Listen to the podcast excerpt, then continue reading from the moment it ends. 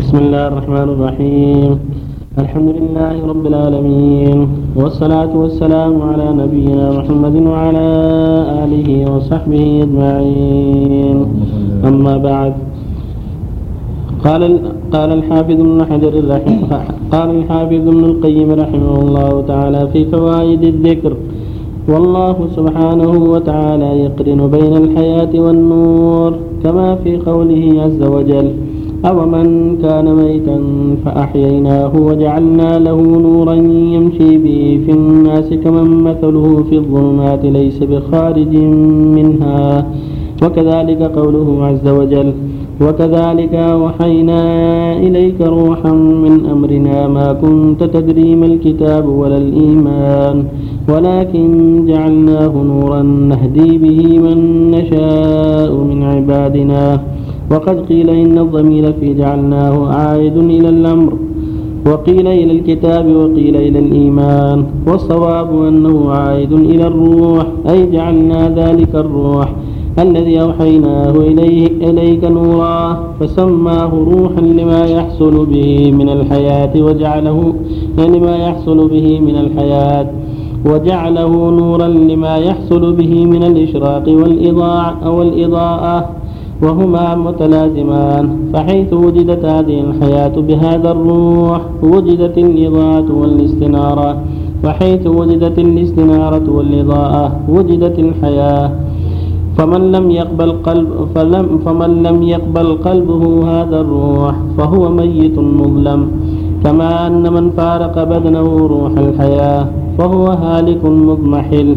ولهذا يضرب سبحانه وتعالى المثلين الماء والنار مع والناري معا لما يحصل بالماء من الحياة وبالنار من الإشراق والنور كما ضرب ذلك في أول سورة البقرة في قوله تعالى مثلهم كمثل الذي استوقد نارا فلما أضاءت ما حوله ذهب الله بنورهم وتركهم في ظلمات لا يبصرون. وقال ذهب الله بنورهم ولم يقل بنارهم لأن النار فيها الإحراق والإشراق. فذهب بما فيه النضات والإشراق وأبقى عليهم ما فيه الأذى والإحراق. وكذلك حال المنافقين ذهب نورهم ذهب نور إيمانهم بالنفاق وبقي في قلوبهم حرارة الكفر والشكوك والشبهات تغلي في قلوبهم وقلوبهم قد صليت بحرها وأذاها وسمومها ووهجها في الدنيا. فأصلاها الله تعالى إياها يوم القيامة نارا موقدة تطلع على الأفئدة. فهذا مثل من لم يصحب نور الإيمان في الدنيا بل خرج منه وفارقه بعد أن استضاء به وهو حال المنافق عرف ثم أنكر وأقر ثم جحد فهو في ظلمات أصم أبكم أعمى. كما قال تعالى في حق إخوانهم من الكفار والذين كذبوا بآياتنا صم صم وبكم في الظلمات. وقال تعالى ومثل الذين كفروا كمثل الذي ينعق بما لا يسمع إلا دعاء ونداء. صم بكم عمي فهم لا يعقلون. وشبه تعالى حال المنافقين في خروجهم من النور بعد أن أضاء لهم بحال مستوطن النار وذهاب نورها عنه بعد أن أضاءت ما حوله لأن المنافقين بمخالطتهم المسلمين وصلاتهم معهم وصلاتهم معهم وصيامهم معهم وسماعهم القرآن ومشاهدتهم أعلام الإسلام ومنارة. قد شاهدوا الضوء ورأوا النور عيانا ولهذا قال تعالى في حقهم فهم لا يرجعون إليه لأنهم فارقوا الإسلام بعد أن تلبسوا به واستناروه فهم لا يرجعون إليه. وقال تعالى في حق الكفار فهم لا يعقلون لأنهم لم يعقلوا الإسلام ولا دخلوا فيه ولا استناروا به. بل لا يزالون في ظلمات الكفر صم بكم عمي. فسبحان من جعل كلامه لأدواء الصدور شافيا. وإلى الإيمان وحقائقه مناديا. وإلى, وإلى الحياة الأبدية والنعيم المقيم داعيا. وإلى طريق الرشاد هاديا. لقد أسمع منادي الإيمان لو صادف آذانا واعيا. وشفت مواعظ القرآن لو وافقت قلوبا من غيها خالية ولكن عصفت على القلوب أهبية الشبهات والشهوات فأطفأت مصابيحها وتمكنت منها أيدي الغفلة والجهالة فأغلقت أبواب رشدها وأضاعت مفاتيحها وأضاءت وأضاعت مفاتيحها. وران عليها كسبها فلم ينفع فيها الكلام وسكرت بشهوات الغي وشبهات الباطل فلم تصغ بعده إلى الملام ووعدت بمواعظ كافية من الأسنة والسهام ولكن ماتت في بحر الجهل والغفلة وأسر الهوى والشهوة وما لجرح بميت إيلام. بالله الحمد لله وصلى الله وسلم على رسول الله وعلى اله وصحبه أما بعد الله سبحانه جعل كتابه الكريم وسنة رسوله الأمين عليه الصلاة والسلام حياة للبشر ونورا للبشر. فمن رزق الاستضاءة بهذا النور والاهتداء بهذا النور فاستقام على كتاب الله وسنة رسوله صلى الله عليه وسلم قولا وعملا وعقيدة عاش في الدور ومات في النور. قال تعالى أو من كان ميتا فأحييناه يعني بالإسلام باتباع الإسلام بتوحيد الله والإخلاص له. وجعل له نورا يمشي به الناس. نور العلم والبصيرة من كتاب الله وسنة رسوله عليه الصلاة والسلام كمن مثل الظلمات هل يستوي مع من في الظلمات؟ ليس بخارج منها لا يستوي. فالمؤمن الموفق قد رزقه الله الحياة والنور. والكافر في ظلمته وضلاله وموته. فلا حياة لأنه لم يدخل في الإسلام ولا نور لأنه لا علم عنده بالشريعة ولا بصيرة له مما جاءت من الرسل. فهو في ظلمته وجهله. كما قال تعالى صم مكم عمي وهم لا يعقلون صم لا يسمعون الحق. مكم لا ينطقون به. عمي لا يبصرونه. قد شغلوا بشهواتهم وشبهاتهم وإعراضهم وجحودهم واستكبارهم عن الحق فهم لا يعقلون ولا يفهمون. ولهذا قال جل وعلا أم تحسبوا أن أكثرهم يسمعون أو يعقلون؟ إن هم إلا كالأنعام بل هم أضل سبيلا. جعلهم سبحانه أضل من الإبل والبقر والغنم لأن هذه البهائم قد تهتدي إلى مصالحها. أما هؤلاء لم يهتدوا إلى مصالحهم بل فارقوا مصالحهم وحادوا عن طريق السداد. قال تعالى ولقد ذرأنا لجهنم يعني خلقنا لجهنم كثيرا من الجن والإنس له قلوب لا يفقهون بها ولهم أعين لا يبصرون بها ولهم آذان لا يسمعون بها أولئك الأنعام بل هم أضل أولئك هم الغافلون. هو الذي يستعمل عقله وسمعه وبصره في الحق فهو أرجى من الأنعام. الانعام تستعمل ما اعطاها الله من القوة ترعى تذهب للماء تجيب الداعي اذا دعاها لعلفها أو للشيء اللي اعتادته أما هؤلاء فقد صاروا شرا من الأنعام.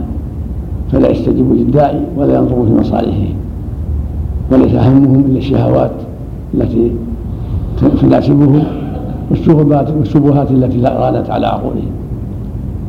قال تعالى وكذلك أوحينا روحا من أمرنا. ما كنت تدري من الكتاب ولا الإيمان ولكن جعلناه نورا نهدي به من نشاء من عبادنا وإنك لتهدي إلى صراط مستقيم صراط الله. فالروح هو الوحي. الكتاب والسنة. ما جاءت من الرسل هو الروح تحصل به الحياة. بعد الموت.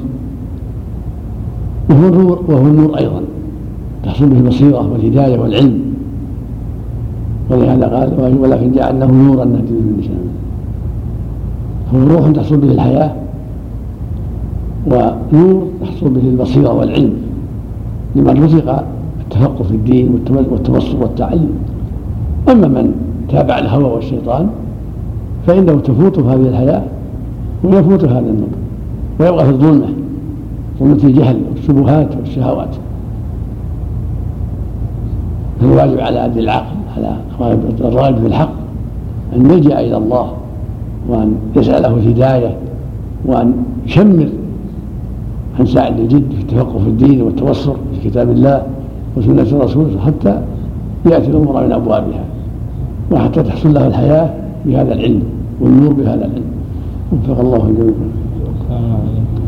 الشيخ أحسن الله إليك. رجل خطب امرأة ثم أصابه مس. فخاف إن تزوجها أن يضرها. هل يتزوجها يا شيخ؟ هو قد عقد؟ لا خطبة فقط يا شيخ. يعلم إذا أراد يومه لا لا يخدعه. يعلم أنها أصابه مس وأنه يصرع. حتى لا يخشى لا يخدعه. فإذا رضوا فلا بأس. الله. ما حكم تقبيل المصحف؟ ما في بأس. كان الكلمة يكبر يقبل النبي جهل الصحابي معهم لكن ما هو وهو مستحب. هذا ما عليه دليل لكن من باب تعظيمه وتكريمه فعل من الصحابة عكرمة بس؟ مروى عن عكرمة بن جهل الصحابي. المعروف حكم الصلاة بين السواري. إذا دعت الحاجة إليها لا بأس وله مكروه يصل الصفوف لكن لو زحم المسجد دعت الحاجة لا بأس. يا شيخ أحسن الله إليك. رجل استدان مالا ثم نقصت تلك العملة بمقدار النصف. إذا أتى يرد هذا المال هل يضاعف القيمة أم لا يرد المال يرد المال بعينه بعينه يرد السلف ولو ولو تغيرت القيمة. حتى لو انخفضت يا شيخ؟ ولو إلا إذا أحب يتبرع جزاه الله خير. يعطيه معروف إن خير الناس أحسنه قضاء. قال النبي صلى الله عليه وسلم؟ إنما يلزمه.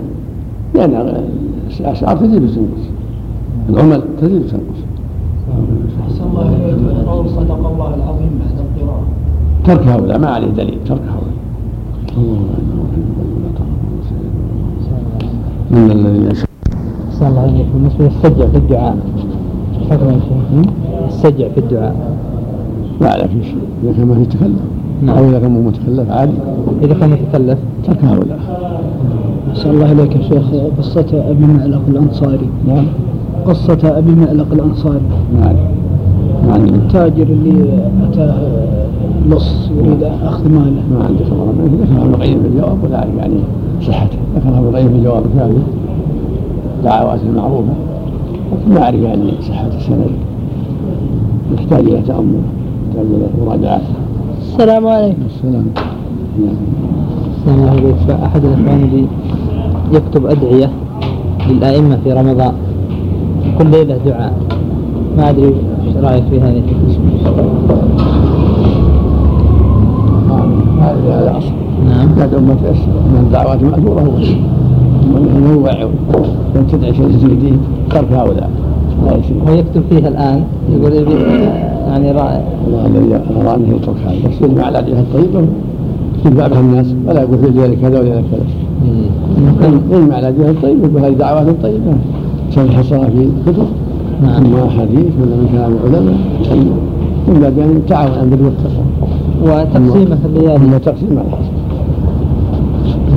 الحسن يعني يكون آه، بدعة ولا؟ على كل هذا ينبغي يخشى. أن تكون بدعة يخشى أحسن الله إليك. إمام يترك صلاة الوتر في بعض الأحيان. لا دائما وهو كل الوتر؟ لا الوتر ما يصلي صلاة الوتر. رمضان يعني ولا؟ لا في دائما في حياته كلها. الوتر واجب لكن هو طيب هذا هو سنة مؤكدة هو واجب الواجب الصلوات الخمس. طعنا في إمامته يا شيخ. الصلوات الخمس. لا ما يضر. الحمد لله رب العالمين والصلاة والسلام على نبينا محمد وعلى آله وصحبه أجمعين. أما بعد قال الحافظ ابن القيم رحمه الله تعالى والمثل الثاني المائي قوله, قوله تعالى أو كصيب من السماء فيه ظلمات ورعد وبرق يجعلون أصابعهم في آذانهم من الصواعق حذر الموت. والله محيط بالكافرين. الصيب والمطر الذي يصوب من الماء أي ينزل منها بسرعة وهو مثل القرآن الذي فيه حياة القلوب كالم المطر الذي به حياة الأرض والنبات والحيوان. فأدرك المؤمنين ذلك منه وعلموا ما يحصل به من الحياة التي لا خطر لها فلم يمنعهم منها ما فيه من الرعد والبرق وهو الوعيد والتهديد والعقوبات والمثلات التي حذر الله بها من خالف أمره. وأخبر أنه منزلها بمن كذب رسول الله صلى الله عليه وسلم أو ما فيه من الأوامر الشديدة كجهاد الأعداء والصبر على على الأواه أو الأوامر الشاقة على النفوس التي هي بخلاف إرادتها فهي كالظلمات والرعد والبرق. ولكن من علم مواقع الغيث وما يحصل به من الحياة لم يستوحش بما معه من الظلمة والرعد والبرق بل يستأنس لذلك ويفرح به لما يرجو من الحياة والخصم وأما المنافق فإنه لعمى قلبه لم يجاوز بصره الظلمة ولم ير إلا برقا يكاد يقطف البصر ورعدا عظيما وظلمة فاستوحش من ذلك وخاف منه فوضع أصابعه في أذنيه لئلا, لئلا يسمع صوت الرعد وهاله, وهاله مشاهدة ذلك ذلك البرق وشدة لمعانه وعظم نوره فهو خائف أن يختطف معه بصره لأن بصره وضعف أن يثبت معه فهو في ظلمة يسمع أصوات الرعد القاصف ويرى ذلك البرق, البرق, البرق الخاطف.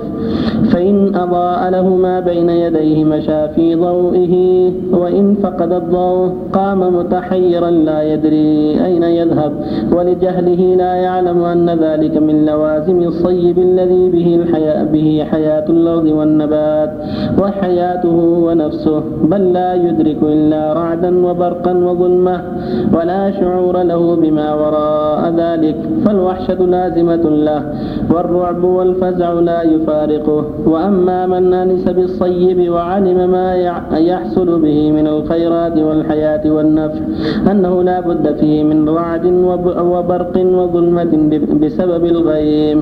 استأنس بذلك ولم يستوحش منه ولم يقطعه ذلك عن أخذه بنصيبه من الصيب.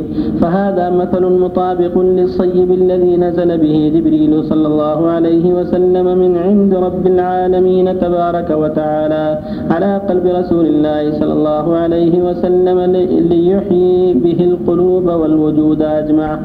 اقتضت حكمته أن يقارنه من الغيم والرعد والبرق. ما يقارن الصيب من الماء حكمة بالغة وأسبابا منتظمة نظمها العزيز الحكيم. فكان حظ المنافق من ذلك الصيب سحابه ورعوده وبروقه فقد لم يعلم ما وراءه فاستوحش بما أنس به المؤمنون وارتاب بما اطمأن به العالمون. وشك فيما تيقنه المبصرون العارفون. فبصره في المثل النار كبصر الخفاش نحو الظهيرة. وسمع وسمعه في المثل الماء كسمع من يموت من صوت الرعد. وقد ذكر وقد ذكر عن بعض الحيوانات أنها تموت من صوت الرعد. وإذا صادف هذه العقول والأسماع والأبصار شبهات شيطانية وخيالات فاسدة.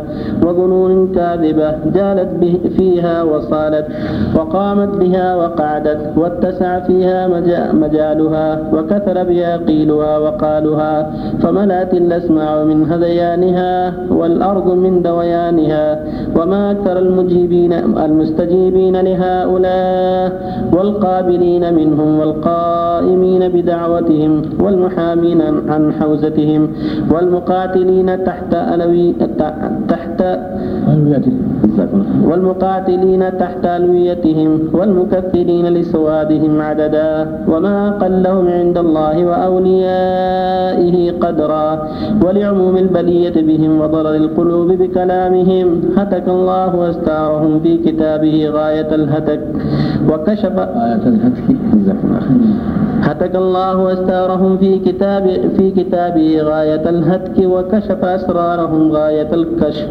وبين علاماتهم وأعمالهم وأقوالهم وبين علاماتهم وأعمالهم وأقوالهم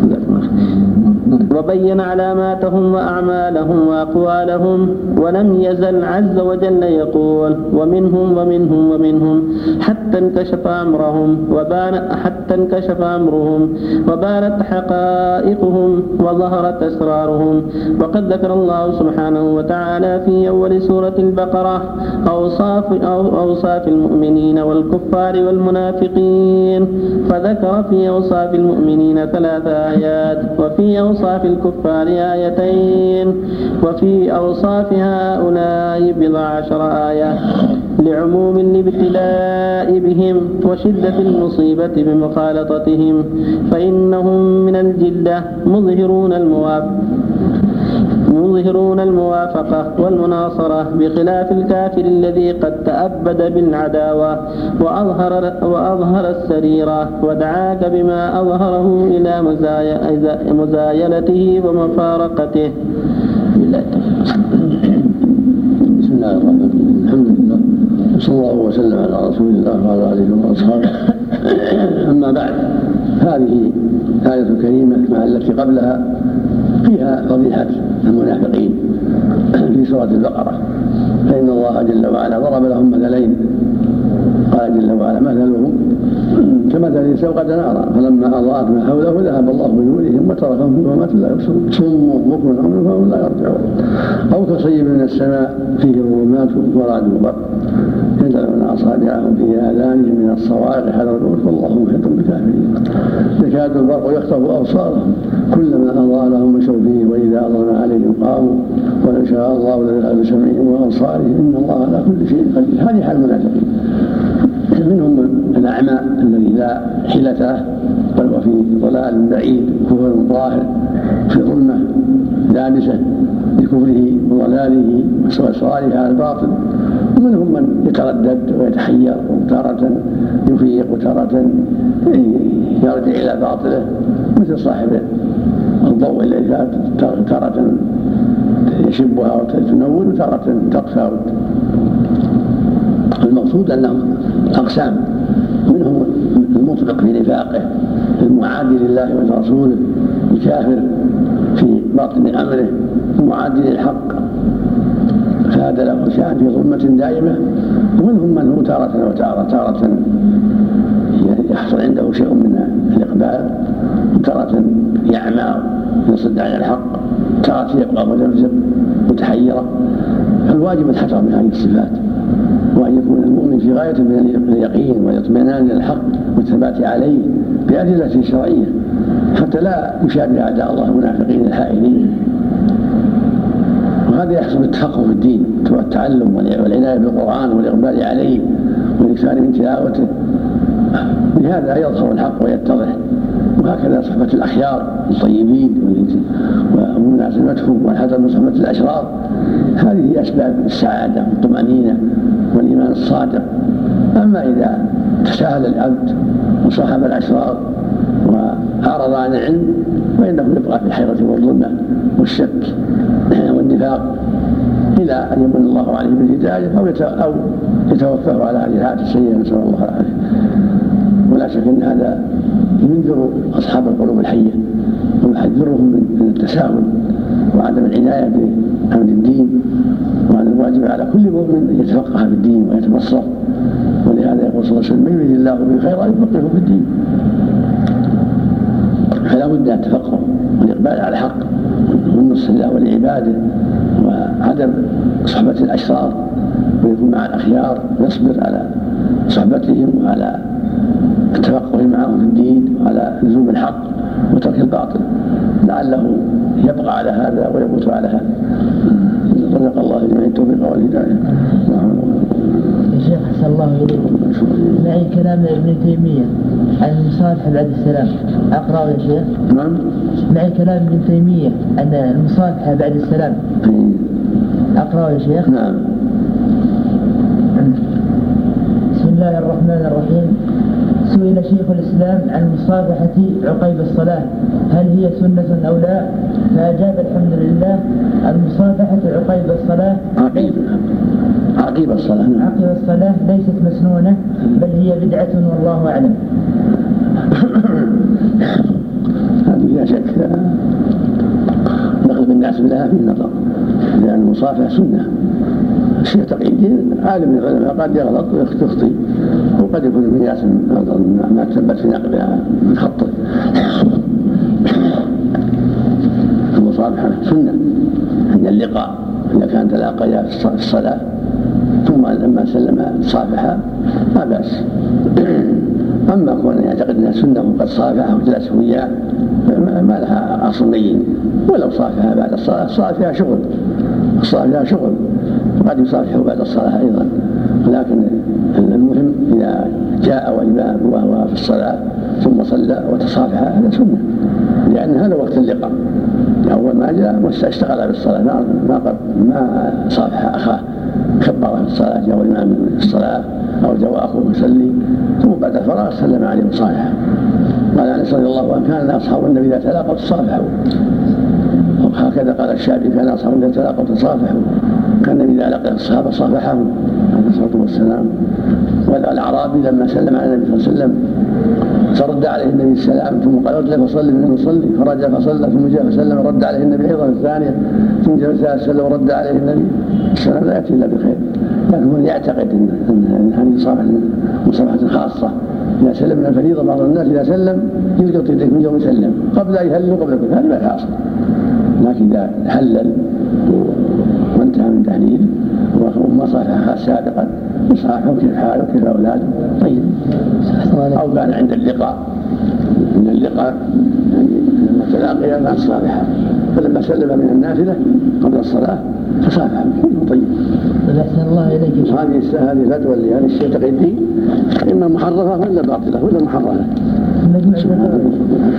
هي منكم محرفة ما ضبطها ابن جاسم رحمه الله. أو أو فيها نقص يعني حرفوا يمكن أراد بها الذي سلم عليه ولقيه ولكن سلم يعني من حين سلم بعض الناس. يطيق من يوم يسلم من يوم يسلم. قبل أن يهلل قبل أن يهلل هذا ما طيب يحمل كلام الشيخ على صلاة الفريضة يا شيخ؟ يحمل على محمد الحسن. إن صحت. إن صحت الفتوى. الخطة الحمد لله رب العالمين. والصلاة والسلام على نبينا محمد وعلى آله وصحبه أجمعين. أما بعد قال الحافظ ابن القيم رحمه الله تعالى وفي الصحيح من حديث أبي موسى عن النبي صلى الله عليه وسلم قال مثل ما بعثني الله تعالى به من الهدى والعلم كمثل غيث أصاب أرضا فكان منها طائفة طيبة قبلت الماء قبلت الماء فأنبتت الكلى والعشب الكثير. فأنبتت الكلاء والعشب الكثير وكان منها طائفة نجادب أمسكت الماء فسقى الناس وزرعوا وأصاب منها طائفة أخرى إنما هي قيعان. لا تمسك ماء ولا تنبت كلاء فذلك مثل من فقه في دين الله تعالى. ونفعه ما بعثني الله به فعلم وعلم ومثل من لم يرفع بذلك رأسا ولم يقبل هدى الله الذي أرسلت به. فجعل النبي صلى الله عليه وسلم الناس بالنسبة إلى الهدى والعلم ثلاث طبقات. الطبقة الأولى ورثة الرسل وخلفاء الأنبياء عليهم الصلاة والسلام. وهم الذين قاموا بالدين علما وعملا ودعوة إلى الله عز وجل ورسوله صلى الله عليه وسلم. فهؤلاء يتبع الرسل صلوات الله عليهم وسلامه حقا. وهم بمنزلة الطائفة الطيبة من الأرض التي زكت فقبلت الماء فأنبتت الكلى والعشب الكثير فزكت في نفسها وزكى الناس بها. وهؤلاء هم الذين جمعوا بين البصيرة في الدين والقوة على الدعوة ولذلك كانوا ورثة الأنبياء صلى الله عليه وسلم الذين قال الله تعالى فيهم واذكر عبادنا إبراهيم وإسحاق ويعقوب أولي الأيدي والأبصار فالأيدي القوة في أمر الله تعالى والأبصار والبصائر في دين الله عز وجل فبالبصائر يدرك الحق يدرك الحق ويعرف وبالقوى يتمكن من تبليغه وتنفيذه والدعوة إليه. فهذه الطبقة كان لها قوة الحفظ والفهم في الدين والبصر بالتأويل. ففجرت من من النصوص أنهار العلوم واستنبطت منها كنوزها ففجرت من النصوص وفجرت. من النصوص أنهار العلوم واستنبطت منها كنوزها ورزقت فيها فهما خاصا. كما قال أمير المؤمنين علي بن أبي طالب وقد سئل هل خصكم رسول الله صلى الله عليه وسلم بشيء دون الناس؟ فقال لا والذي فلق الحب وبرأ النسمة إلا فهما يؤتيه الله عبدا في كتابه. فهذا الفهم هو بمنزلة الكلى والعشب, والعشب الكثير الذي أنبتته الأرض وهو الذي تميزت به هذه الطبقة عن الطبقة الثانية.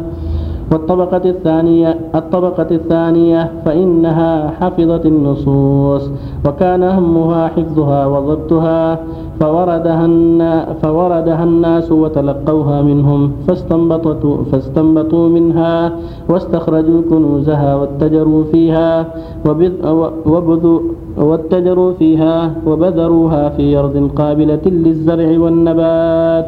فاستخرجوا غوامضها وأسرارها وبردوها كل, كل بحسبه.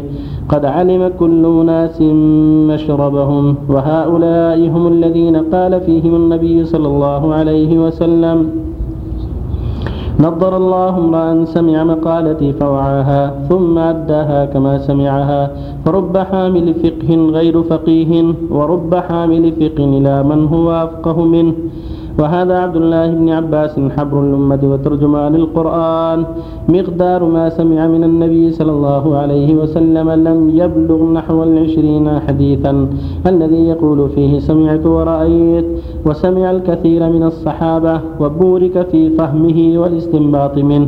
حتى ملأ الدنيا علما وفقها. قال أبو محمد بن حزم وجمعت فتاويه في قال أبو محمد بن حزم وجمعت فتاويه في سبعة أسفار كبار وهي بحسب ما بلغ جامعها. وإلا فعلم ابن, فعلم ابن عباس كالبحر وفقهه واستنباطه وفهمه في القرآن بالموضع الذي فاق به الناس.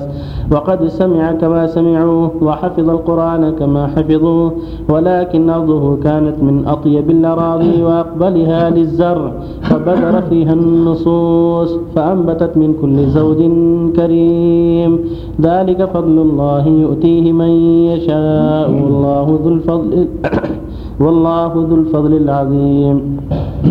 وأين تقع فتاوى ابن عباس وتفسيره؟ واستنباطه من فتاوى أبي هريرة وتفسيره. وأبو هريرة أحفظ منه بل هو حافظ الأمة على الإطلاق. يؤدي الحديث كما سمعه ويدرسه بالليل درسا. فكانت همته فكانت همته مصروفة إلى الحفظ. وتبليغ, ما حفظه كما سمعه وهمة ابن عباس مصروفة إلى التفقه والاستنباط وتفجير وتفجير النصوص وشق الأنهار منها واستخراج كنوزها وهذا الناس وهكذا الناس بعده قسمان قسم حفاظ حفاظ معتنون بالضبط والحفظ والأداء كما سمعوا ولا يستنبطون ولا يستخرجون كنوز ما حفظوه وقسم معتنون بالاستنباط واستخراج الأحكام من النصوص والتفقه فيها فالقسم الأول كأبي زرعة وأبي حاتم وابن أوارة وقبلهم كبندار. وقبلهم كبندار محمد بن بشار وعمر الناقد وعبد الرزاق وقبلهم كمحمد بن جعفر الغندر وسعيد بن أبي عروبة وغيرهم من أهل الحفظ والإتقان والضبط, والضبط لما سمعوه من غير لما سمعوه من غير استنباط وتصرف واستخراج الأحكام من ألفاظ من ألفاظ النصوص. والقسم الثاني كمالك واللي والليث وسفيان وابن وابن وابن المبارك وابن المبارك والشافعي والأوزاعي وإسحاق والإمام, والإمام أحمد بن حنبل والبخاري وأبي داود ومحمد بن النصر المروزي وأمثالهم ممن جمع الاستنباط والفقه إلى الرواية فهاتان الطائفتان هم أسعد الخلق بما بعث الله تعالى به رسوله صلى الله عليه وسلم وهم الذين قبلوه ورفعوا به رأسا. الطبقة الثالثة وأما الطائفة الثالثة وهم أشقى الخلق الذين لم يقبلوا هدى الله ولم يرفعوا به رأسا فلا حفظ ولا فهم ولا رواية ولا دراية ولا رعاية. فالطبقة الأولى أهل رواية ورعاية ودراية والطبقة الثانية أهل رواية ورعاية. ولهم نصيب من الدراية بل حظهم من الرواية أوفر. والطبقة الثالثة والأشقياء لا رواية ولا دراية ولا رعاية. إن هم إلا كالأنعام بل هم أضل سبيلا. فهم الذين يضيقون الديار ويغلون الأسعار. إن هم أحدهم إلا بطنه. وف... إن هم. إن هم أحدهم إلا بطنه. إن هم أحدهم إلا بطنه. إن هم أحدهم إلا بطنه وفرجه فإن ترقت همته كان همه مع ذلك لباسه وزينته فإن ترقت همته فوق ذلك كان همه في داره وبستانه ومركوبه فإن ترقت همته فوق ذلك كان همه في الرياسة والانتصار للنفس الكلبية. فإن ارتفعت همته عن نصرة النفس الكلبية كان همه في نصرة النفوس السبعية. وأما النفس الملكية فلم يعطها أحد منها فلم يعطها أحد من هؤلاء فإن النفوس كلبية وسبعية وملكية فالكلبية تقنع بالعظم والكسرة والجيفة والعذرة. والسبعية لا تقنع بذلك بل بقهر النفوس والاستعلاء, والاستعلاء عليها بالحق والباطل. وأما الملكية فقد ارتفعت عن ذلك وشمرت إلى الرفيق الأعلى.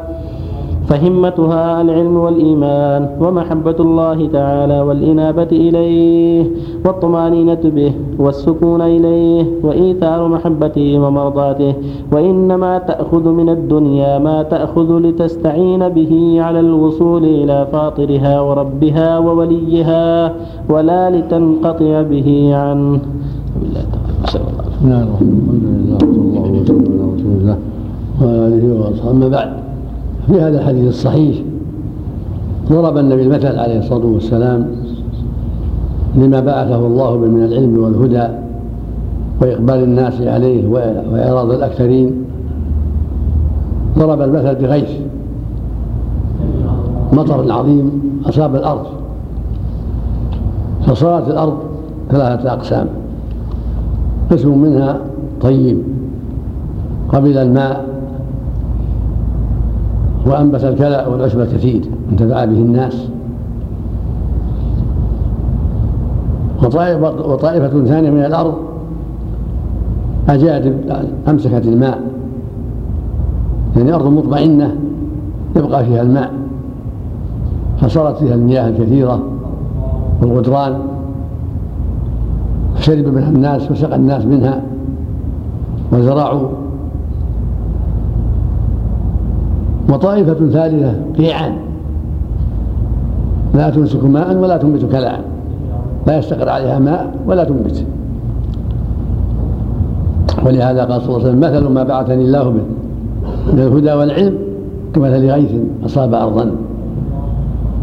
فكانت منها طائفة طيبة قبلت الماء فأنبتت الكلاء والعشب الكثير وكانت منها أجادب أمسكت الماء فنفع به فنفع الله به الناس فشربوا وسقوا وزرعوا وأصاب طائفة أخرى إن منها قيعان لا تمسك ماء ولا ولا تنبت كلاء قال فذلك مثل من فقه في دين الله ونفعه ما بعثني الله به فعلم وعلم. هذا المثل لأصحاب الطبقة الأولى والثانية.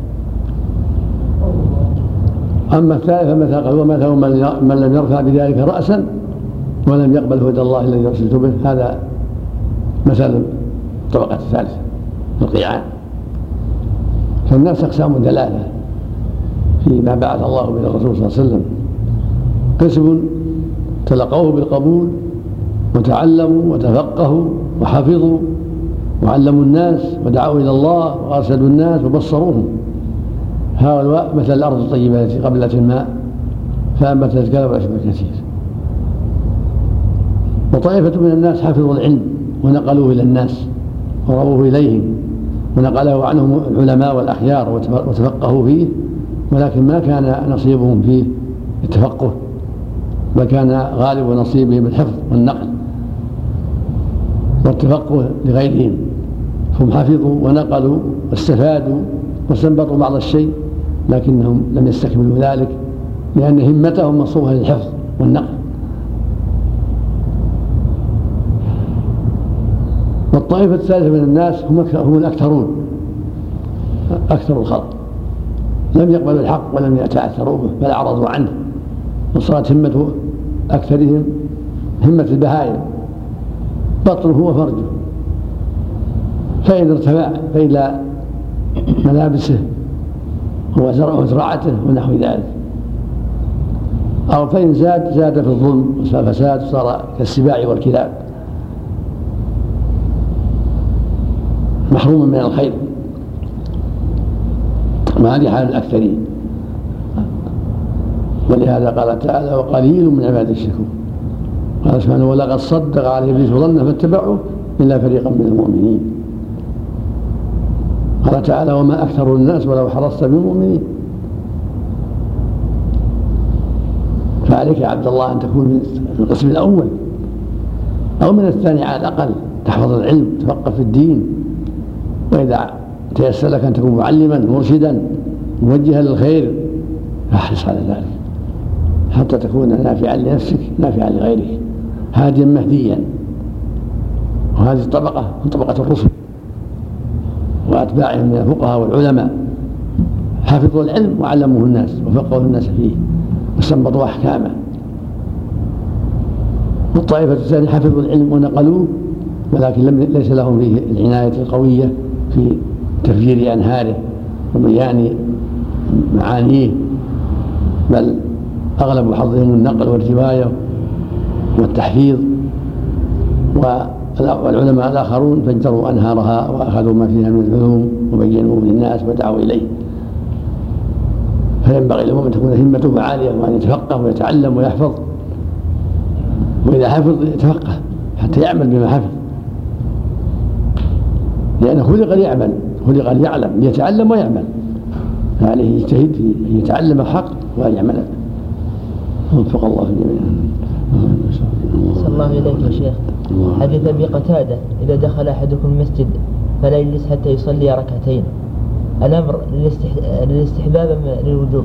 المشروع عند العلماء الاستحباب يقول صلى الله عليه وسلم لما سئل سأله الأعرابي لما علم الصلاة الخمس هل علي غيره؟ فقال لا إلا أن تتطوع ولكن القول بالوجوب قول قوي لأن فيه الأمر فلا يجلس فيه الأمر فلذلك ركعتين وفي النهي فلا يجلس. ينبغي له لا يتساهل في هذا. إذا دخل طاهر يصلي ركعتين يحذر التساهل في. أحسن الله إليك إذا كان الأمر للاستحباب إذا أتى المسجد في وقت نهي يصلي أم يجلس؟ ولو ولو ولو من وقت نهي السنة يصلي لأن الأمر عام وهذه من ذوات الأسباب مثل صلاة الكسوف لو كسبت الشمس العصر يصليها على الصحيح. قال الرسول عليه الصلاة والسلام للرجل عندما أتى يتخطى الرقاب في المسجد يوم الجمعة قال اجلس فقد آذيت وآنيت فلم يأمره بتحية المسجد. لعله قد صلاها. لعله قد صلاها صلاها لعله لعله مو صريح. لعله قد صلاها ولم يدور مكان. صلى الله عليه طلب العلم مقدم على كسب الرزق. يجمع هذا وهذا. يكسب الرزق يكون وقت العلم وقت طلب الرزق لا لا يخلي هذا ولا هذا. صلى الله عليك. بالنسبة لعلم وحفظ أبي بكر رضي الله عنه أكثر من حفظ أبي هريرة؟